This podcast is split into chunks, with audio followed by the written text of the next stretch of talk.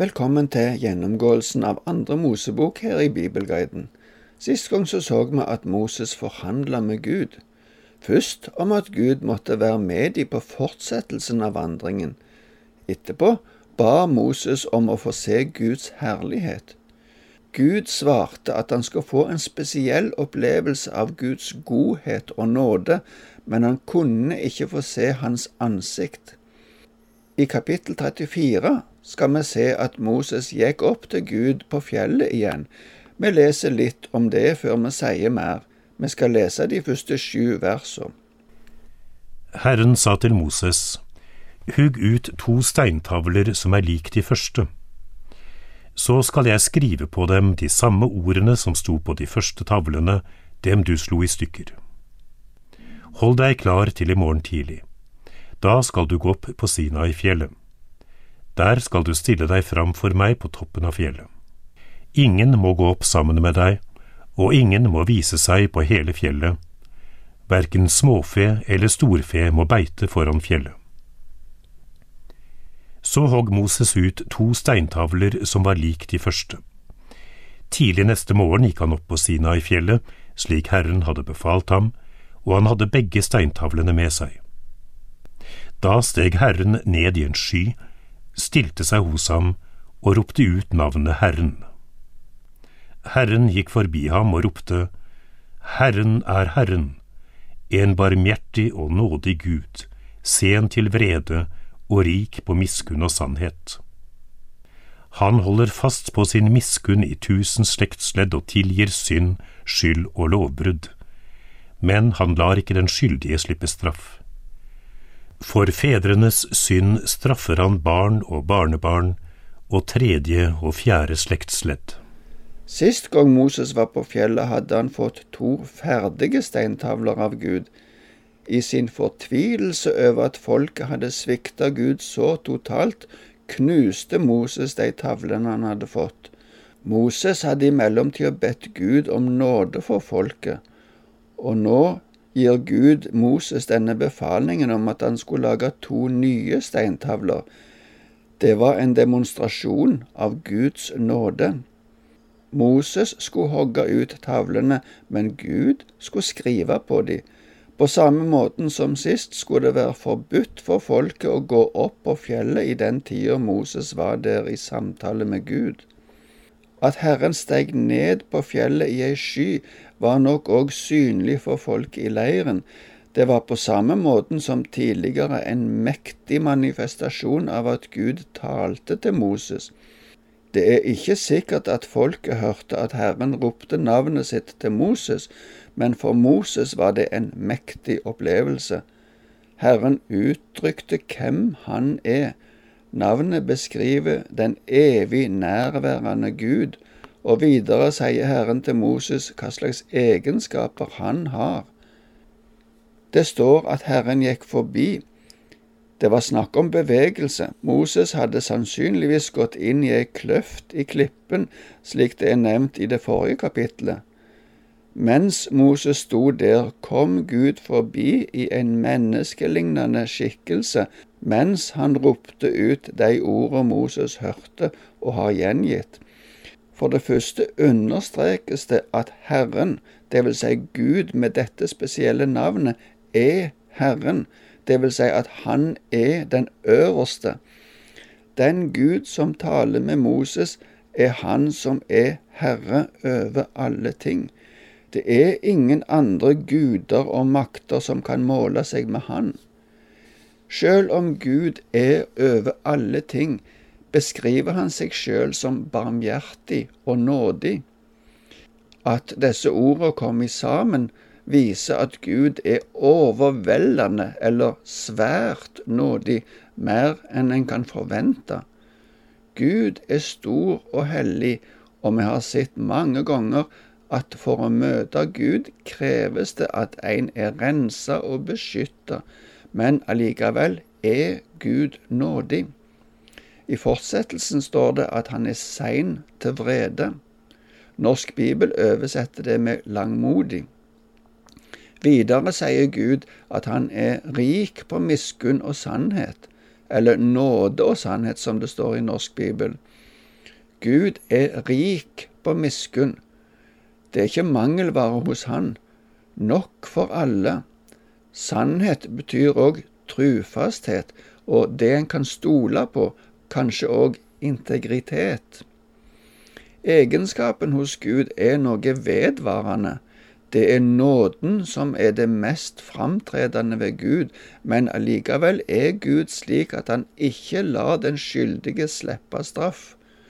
Kanskje det kan oppfattes som en motsetning, men vi kan si det slik at for de som ikke vil følge Guds vilje, kommer straffa som en konsekvens. Men dersom vi sjøl om vi synder ber om tilgivelse, er Gud nådig og tilgir oss syndene våre. Men vi må være klar over at nåde ikke er det samme som automatikk. Vi leser litt videre i kapittel 34, og nå leser vi versene 8 og 9. Straks bøyde Moses seg til jorden og tilba. Han sa, Herre, hvis jeg har funnet nåde for dine øyne, så gå med oss, Herre. Selv om dette er et stivnakket folk, så tilgi vår synd og skyld, og gjør oss til din eiendom. Moses opplevde det Gud sa som et mektig ord ifra Gud om nåde, og han tilba Gud for dette svaret. Men Moses ber allikevel om at Gud må bli med folket videre. Hvis det er slik at jeg har funnet nåde hos deg, sier Moses. Han henviser til utsagnet om nåde som han nettopp hadde hørt, og ber innstendig om at folket må få være Guds spesielle eiendomsfolk, slik som Gud hadde antyda i kapittel 19 med en gang de kom til Sinai. Svaret fra Gud er en fornyelse av pakten, og det leser vi om i fortsettelsen fra vers 10 til 26. Da sa Herren, Nå vil jeg slutte en pakt. I nærvær av hele folket ditt vil jeg gjøre underfulle gjerninger som aldri før har vært gjort noe sted på jorden eller blant noe folkeslag. Hele det folket du lever iblant skal se hvor skremmende det er, det verk som jeg, Herren, vil gjøre med deg. Ta godt vare på det jeg pålegger deg i dag. Se, jeg vil drive ut for deg amorittene, kananeerne, hetittene, girgasjittene, perisittene, hevittene og jebusittene. Vokt deg for å slutte pakt med dem som bor i det landet du kommer til, så de ikke fanger deg i en felle. Dere skal rive ned alterene deres og slå i stykker steinstøttene, og asherastolpene skal dere hugge ned. Du skal ikke tilbe noen annen gud, for Herrens navn er nidkjær. Han er en nidkjær Gud. Du skal ikke slutte pakt med dem som bor i landet, for de driver hor med gudene sine og ofrer til dem. Hvis de inviterer deg, kommer du til å spise av ofrene deres. Tar du koner til sønnene dine blant døtrene deres, så vil døtrene deres drive hor med sine guder og få sønnene dine til å drive hor med gudene deres. Du må ikke lage deg støpte guder. Du skal holde de usyrede brøds høytid. I sju dager skal du spise usyret brød, slik jeg har gitt deg befaling om, til fastsatt tid i måneden Abib. For i måneden Abib dro du ut av Egypt. Alt som åpner morslivet, tilhører meg alle førstefødte hanndyr i buskapen din, enten det er storfe eller småfe. Alt som åpner morslivet hos esler, skal du løse ut med et lam. Løser du det ikke ut, skal du brekke nakken på det. Hver førstefødt blant sønnene dine skal du løse ut. Ingen må vise seg tomhendt for mitt ansikt. Seks dager skal du arbeide, men på den sjuende dagen skal du hvile.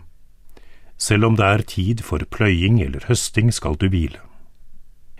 Du skal holde ukefesten når du høster inn den første hveten, og festen for innhøstingen når året er omme. Tre ganger om året skal alle menn hos deg tre fram for Herren Israels Gud. For jeg vil drive folkeslag bort for deg og utvide grensene dine. Ingen skal ønske å ta landet ditt mens du drar opp for å tre fram for Herren din Guds ansikt tre ganger om året. Du skal ikke ofre blod av mitt slakteoffer sammen med noe syret, og påskefestens offer må ikke ligge natten over til neste morgen. Det beste av førstegrøden fra jorden din skal du bringe til Herren din Guds hus. Du skal ikke koke et kje i melken fra moren. At Gud sa at han nå ville slutte en pakt, må vi se på som en fornyelse av den pakten som ble inngått i kapittel 24. Videre understreker Gud her at Israel skal innta det landet han tidligere hadde lovt dem. Det legges vekt på at de ikke må inngå pakt eller gjøre avtaler med folket der. De folka der er så ugudelige at de skal utryddes. Det skal ikke inngås ekteskap mellom Israel og folka i Kanan, og Israel må vokte seg for å bli involvert i den avgudsdyrkelsen og de seksuelle utskeielsen som folka der driver med. Så gjentar Gud forskriftene om høytidene som Israel skal holde, og gudstjenesteordningen. Sabbaten er et viktig kjennetegn for Israel. Men jeg tror ikke vi skal gå mer inn i detaljene om disse høytidene nå, for vi har omtalt det tidligere i serien vår. Vi leser litt videre og ser på versene 27 og 28. Herren sa til Moses, skriv ned disse ordene, for på grunnlag av disse ordene slutter jeg en pakt med deg og Israel. Moses var hos Herren i 40 dager og 40 netter, og han smakte verken mat eller drikke. Og han skrev paktens ord, de ti bud, på tavlene. Moses fikk beskjed om å skrive ned alle disse ordene som skulle være dokumentet som skulle fornye pakten med Gud. På samme måten som forrige gang varte dette møtet med Gud på Sinai 40 dager og 40 netter. Det var ei fastetid, Moses verken spiste eller drakk noe i løpet av denne tida. Han skrev paktens ord, står det, men den som skrev på tavlene, det var Gud sjøl og ikke Moses. Moses hadde hogd ut tavlene, men som vi så i det første verset, sa Gud at han ville skrive lovens ord på tavlene. Moses sier òg det i femte Mosebok i kapittel ti, når han 40 år seinere ser tilbake på det som hendte. Vi får ikke tid i dag til å se på hvordan folk reagerte da Moses kom ned ifra fjellet. Det må vente til neste gang. Takk for nå, og Herren være med deg.